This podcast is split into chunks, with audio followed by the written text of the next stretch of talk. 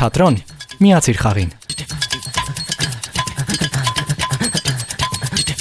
Ժանրը միանգամից եմ ընտրել, որ ինչ էլ անեմ, անելու եմ абսուրդի մեջ։ Ընդհանուր process-ը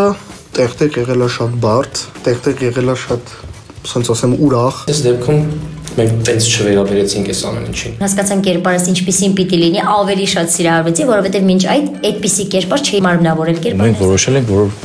այս ներկայացումը պիտի ապրի։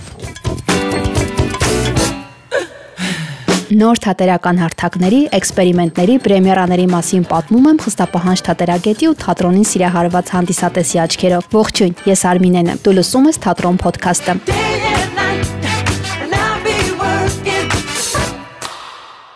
Ինձ հաճախ կտեսնեք ուսանողական թատրոններում։ Սիրում եմ դիտել ապագա դերասանների, բեմադրիչների աշխատանքներն ու ասեմ ինչու։ Պրոֆեսիոնալ թատրոն գնալիս պահանջ ունեմ տեսնելու որակյալ, հետաքրքիր, բարձրաճաշակ ներկայացում ու չեմ ընդունում որևէ բաց թողում։ Ուսանողական բեմադրությունների ժամանակ այդ պահանջը չկա։ Գիտեմ, որ նրանք սովորում են ու դեռ երկար ճանապարհ ունեն անցնելու։ Միշտ այդ մտքով եմ գնում ու անսահման ուրախանում եմ, երբ հիաստապված դուրս չեմ գալիս ներկայացումից։ Օրեր առաջ Երևանի թատրոնի եւ կինոյի պետական ինստիտուտի ուսանողական թատրոնում դիտեցի պիկնիկ բեմադրությունը ու որոշեցի ձեզ էլ պատմել դրա մասին։ Դե ինչ, այսօր կխոսեմ Երևանի թատրոնի եւ կինոյի պետական ինստիտուտի ուսանողական թատրոնի եւ պիկնիկ ներկայացման մասին։ Պատմեմ ով է ռեժիսորը, ինչու է այս պիեսն ընտրել, ովքեր են խաղում ներկայացման մեջ, արդյոք հետագայում կարող եք դիտել բեմադրությունը եւ ոչ միայն։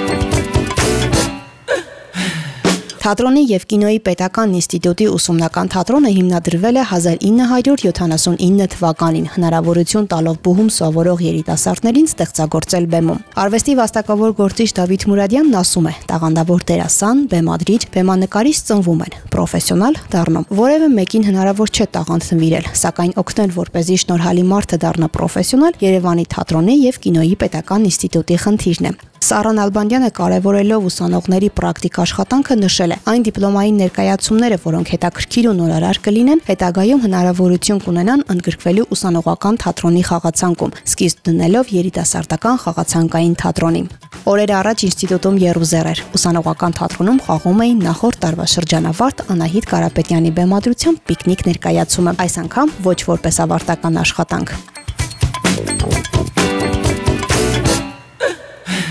Անահիտ Կարապետյանը սովորել է ռեժիսոր, ժողովրդական արտիստ Հրաչյա Գասպարյանի արվեստանոցում։ Բեմադրելու փորձ ապագա ռեժիսորն արդեն ուներ։ Երրորդ կուրսում բեմադրեց Արթուր Միլլերի տեսարան կամրջից ստեղծագործությունը, իսկ որպես դիպլոմային աշխատանք կուրսղեկի առաջարկով բեմադրեց Ֆերնանդո Արաբալի պիկնիկ պիեսը։ Ժանրը միանգամից եմ ընտրել, որ ինչ էլ անեմ, անելու եմ абսուրդի մեջ։ Ու Ընտրությունը եղավ տենց միանգամից շատ հեշտ կարդացի դուրս եկավ պիկնիկա պատերազմի դաշտում դա արդեն абսուրդի մասին է խոսում իսկ պատերազմի մասին բեմադրել ու ծանրացնել պատերազմը ինձ թվում է դա արդեն կրկնակի ծանրացնել է էլի դա դրա համար ավելի լավ էր իմ համար ավելի կարևոր էր որ հանդիսատեսը կեսից մոռանա որ պատերազմի դաշտ է կեսից մոռանա որ խոսում են պատերազմական խնդիրների մասին ու այդ այն թեթևությունը այն երգը պարը լույսերը վառ ծիծաղ չգիտեմ դրամատուրգությունը մտնոլորտը հենց դրա համար էր։ Պիեսը ինքը абսուրդ ժանրի է, բայց ներկայացումը ինքը որպես այդպեսին համարվում է տրագի ֆարս, այսինքն տրագեդիա եւ միևնույն ժամանակ կոմեդիա։ Ու այս ժանրի մեջ ինչն է դժվար հատկապես նոր ավարտած ուսանողի դեռ նոր սկսվող, դեռ նոր էս ամեն ինչը բացայտող, որովհետեւ ամեն դեպքում ինչքան էլ ինչ ուզում են անեն, ինչքան էլ թեորիա իմանաս, մեկը պրակտիկա է պետք, քեզ որ կարողանաս ճիշտ բեմադրել, պետքա շատ անես, շատ անցնես դրա միջով ու ես ինչի եմ որոշ չափով համարում ինձ այս փուլը անցած, հենց ծիճկա դրած, որովհետև բոլորը ոլորտում ասում են, որ կոմեդիա բեմադրելը դա բարթագույն աշխատանք է, որովհետև պիտի իրավիճակը պիտի ծիծաղելի լինի ու դա շատ-շատ դժվար է։ Իմ համար դա շատ բարդ փուլ է եղել, որովհետև ի սկզբանե ես չեմ ունեցել, սա իմ առաջին աշխատանքն էր 4 տարվա ընթացքում բեմադրել եմ երևի 5-6 գործ, բայց սա առաջինն էր այս ժանրում ու դերասաններն էլ էին առաջին անգամ խաղում կոմեդիա։ Իրականում այս շատ բարդություն էր էլի իմ համար ժանրը ու դերասաններին բերել այդ ժանրի ու երբ որ դու հերվից նստած նայում ես որ հանդիսատեսը տեսարանների վրա իսկապես ծիծաղում է, բայց այդ դերասանները խաղում են շատ լուրջ։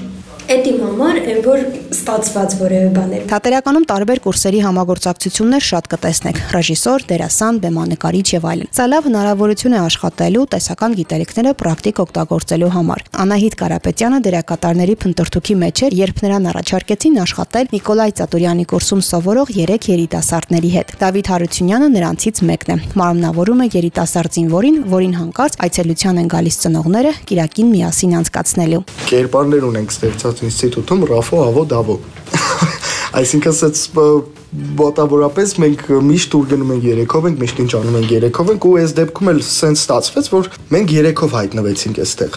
Այսինքն մեզ առանձին առանձին ոչ մեկ չի մտածել, մեզ երեքից իրար հետ տեսել են ու ասել են ես ուզում եմ որ ձեզ հետ աշխատեմ։ Ընդհանուր process-ը տեղ-տեղ եղել է շատ բարդ, տեղ-տեղ եղել է շատ, ասենց ասեմ, ուրախ, ինձ թվում է եթե այդ բարդ օրերը չլինեին, ամեն ինչ լիներ շատ թեթև, այսինքն ասենց ամեն ինչի շատ թեթև նային կռիվներ չլինեին, վեճեր չլինեին, այսինքն առանց վեճ ու առանց կռիվ հաստատ process-ի ընթացքում չես կարա։ Եթե process-ի ընթացքում վեճ կամ կռիվ չկա, ուրեմն այդ process-ը ոչ մեկին պետք չի։ ու վերջում հաստատ կարող է ինչ-որ լավ բան չստանաք։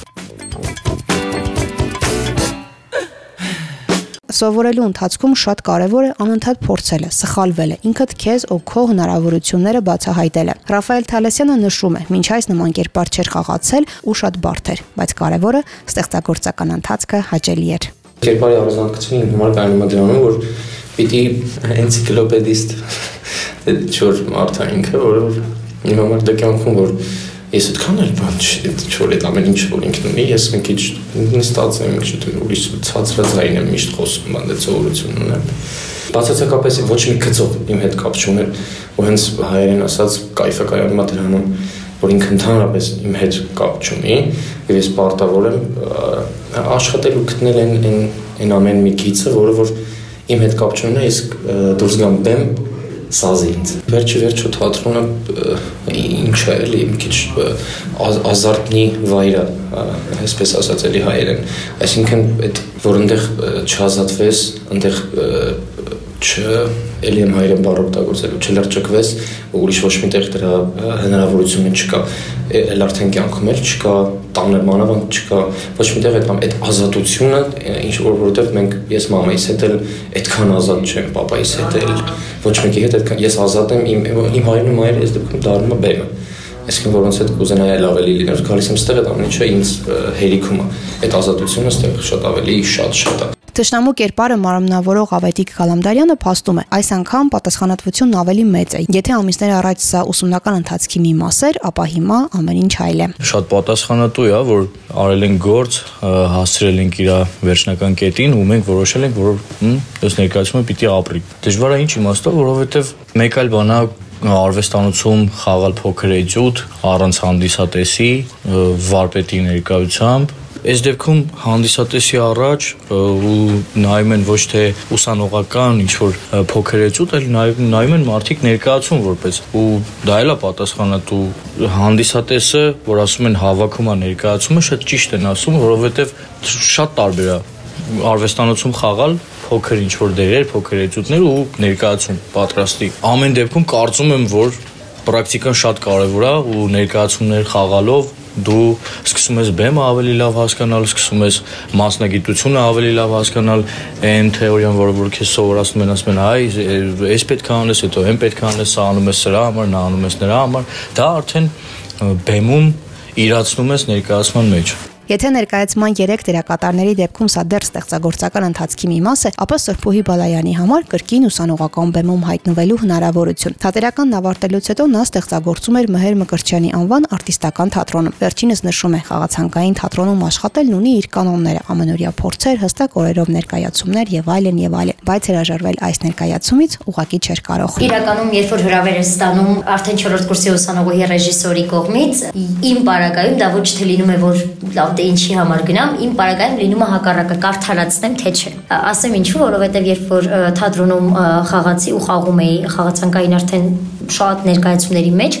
նորից վերադառնալ ուսանողական ներկայացման մեջ ավելի բարդ է, որովհետև իրանք անընդհատ process-ի մեջ են, անդադար ու գալ մտնել այդ ամեն ինչի մեջ մի քիչ պարտավորեցնող է, բայց այս պարագայում մի քիչ ուրիշ կողմից եկավ հարցը, քանի որ ես եւ ռեժիսորին էի ճանաչում եւ խաղանկերներից, ովքեր իմ մտերիմ ընկերներն են, ու իրանք արդեն որոշել էին իրենցից որ մեկը պիտի իմ հետ կապի դուրս գա, որ ես մերժելու ոչ մի այլ ընտրանքային տարբերակ չունենամ։ Ես եկա, կարդացինք, ու ես գալիս էի այն մտքով, որ կհասցնեմ պրեմիերային շատ քիչ էր մնացել ու ես պիտի ներմուծվեի ներկայացման մեջ։ Այդպես ես կարդացի սիրահարվեցի պիեսին, հետո որ արդեն հասկացան կերպարս ինչպեսին պիտի լինի, ավելի շատ սիրահարվեցի, որովհետև մինչ այդ այդպիսի կերպար չէի մարմնավորել։ Կերպարներս ավելի շատ մանկական ներկայացումներ էին, ավելի շատ հենց դոկումենտալ ժանրի մեջ էին։ Դրա համար շատ լավ էր ինձ հենց այս կերպարում փորձելու հնարավորությունը ձեռքիցս բաց չթողնելը։ Այդպես սկսեցին փորձերը դե բնականաբար սկզբից շատ բարդ էր, ինչեւ որ արդեն հասկացա իմ կերպարը ինչպեսին պիտի լինի, գործը ինքն իրենով արդեն իսկ բարդ է, որովհետեւ абսուրդ ժանրի մեջ ոչ մի ստատիկություն չկա, ոչ խոսքի, ոչ շարժման, ոչ մտքի, ոչ գաղափարախոսության, դրա համար գտնել մի բան, որից պիտի կարճես, ավելի բարդ է դառնում բայց այդպես ստեղծվեց Տիկին Տեպանը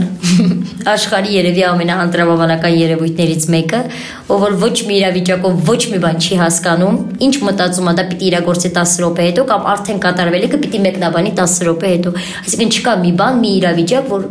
այս կնոջ կերպարը ռեալիզացնի տեղում։ Ինքը ամեն ինչ ուշ է հասկանում, իր ցանկությունները բացարձակ կապ չունեն ոչ տեղի, ոչ ժամանակի, ոչ իրադարձությունների հետ։ Շատ դժվար է խաղալ այս ժամանակաշրջանում նման ներկայացում, բայց Մինչ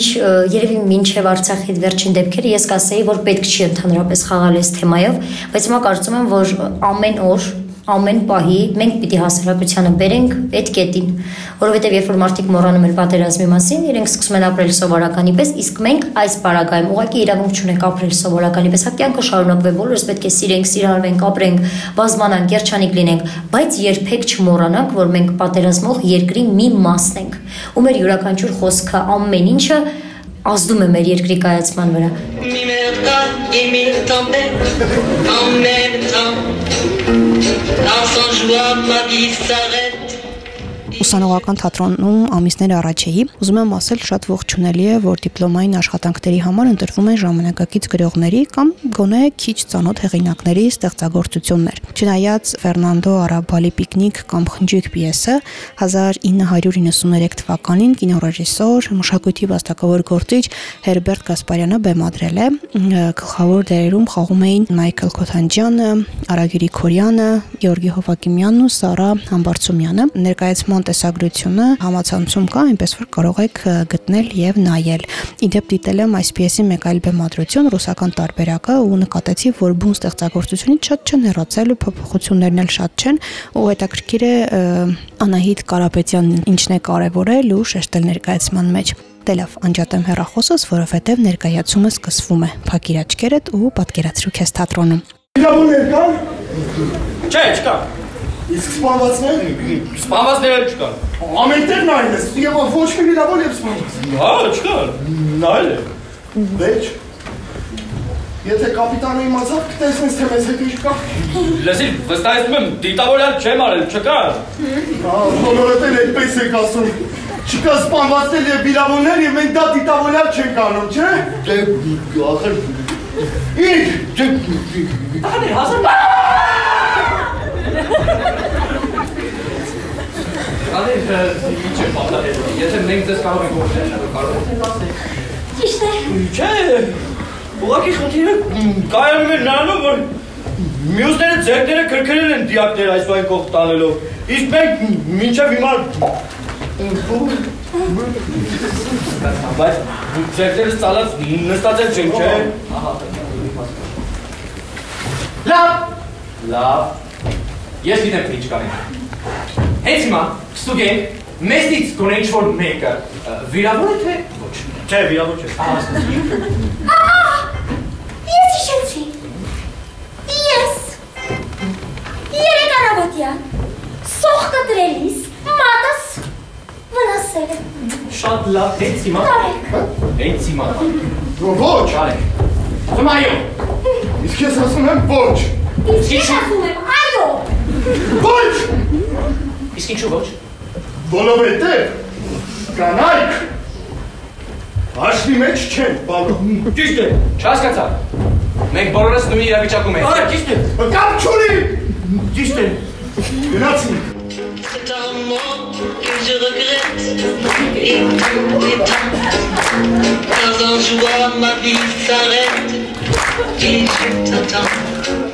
Ուսումնասիրելով հատկապես վերջին տարիներին թատերական ինստիտուտում բեմադրվող ներկայացումները վստահաբար նկատելի են փոփոխությունները։ Պիկնիկն ասվածի լավագույն օրինակն է։ Կխաղան բեմադրությունը թե ոչ դեռ հստակ չէ։ Ամեն դեպքում, եթե ունենաք հնարավորություն, անպայման գնացեք ու դիտեք ներկայացումը։ Չմոռանամ ասել, թատրոն կարող ես լսել ամենուր։ Այցելին մեր կայք imradio.am կամ Apple Podcast, Spotify ու մնացած քեզ հայտնի podcast հարթակներ։